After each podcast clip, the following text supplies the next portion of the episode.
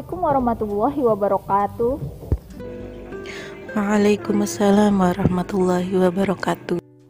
Selamat datang di Duta Jaga Podcast, di mana ini adalah segmen baru dari Duta Jaga KMO Club Indonesia yang akan membahas seputar literasi dan juga hal-hal yang berhubungan dengan KMO Indonesia.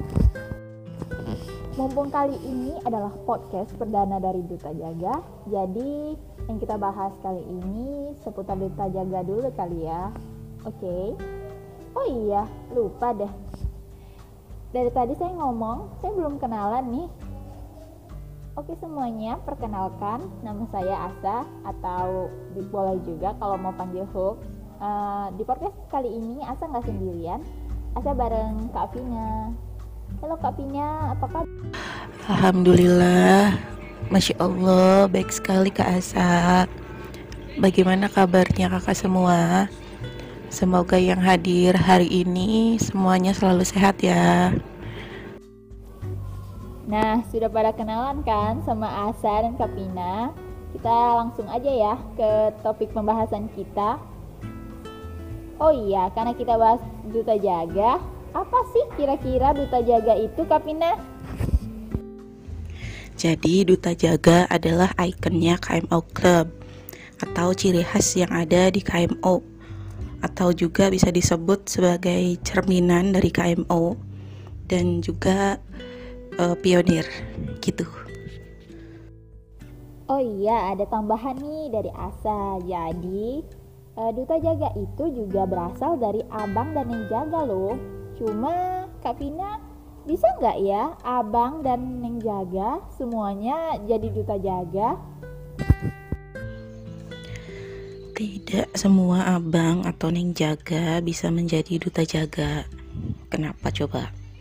Karena nggak semua abang atau Neng Jaga pada akhirnya mereka nggak bisa turut serta berkontribusi untuk membangun literasi di KMO. Mungkin karena kesibukan kali ya.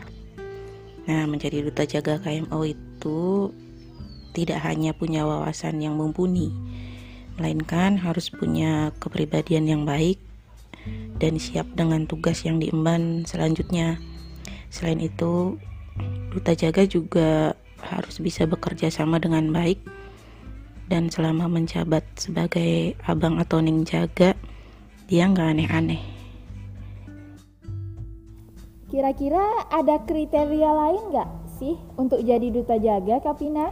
Poin penting lainnya juga bahwa kriteria untuk menjadi duta jaga itu dia harus interaktif, uh, atraktif, dan juga komunikatif. Selain itu harus respect Duta Jaga ini kan baru-baru aja nih ya kak terbentuk. Untuk sekarang itu jumlah Duta Jaga dan coachnya ada berapa ya? Member Duta Jaga saat ini ada 14 dari berbagai batch ya kak. Dan kami diarahkan atau dibimbing oleh coach. Nah coachnya itu sekitar 8 orang.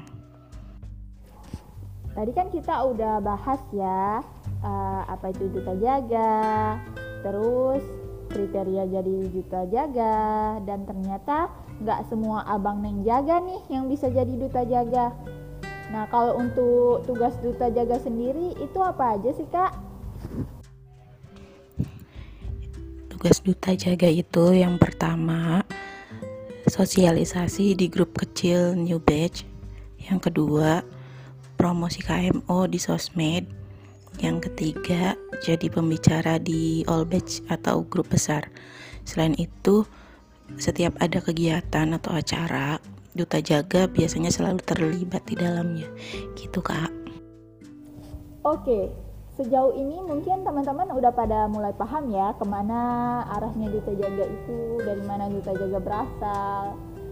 Nah, kalau dipikir-pikir sesuatu hal terbentuk pasti karena ada suatu kepentingan kan. Nah, untuk KMO sendiri nih Kapina, sepenting apa sih duta jaga itu? Jadi gini, adanya adanya duta jaga itu memiliki peran penting juga demi kemajuan KMO.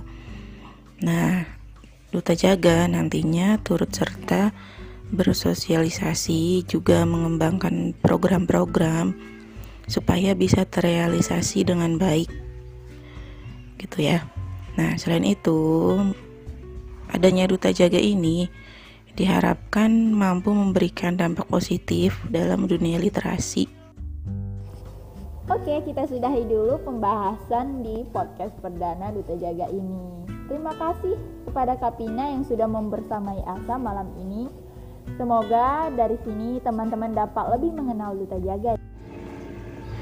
Alhamdulillah, terima kasih juga kepada Kak Asa dan semua yang sudah hadir hari ini. Makasih ya sudah meluangkan waktunya bersama kita. Assalamualaikum. Waalaikumsalam, Kak Pina. Membeli rambutan di pasar raya, saat dimakan ingin lagi dan lagi. Terima kasih juga untuk teman-teman semua. Jangan lupa pantengin podcast kita lagi.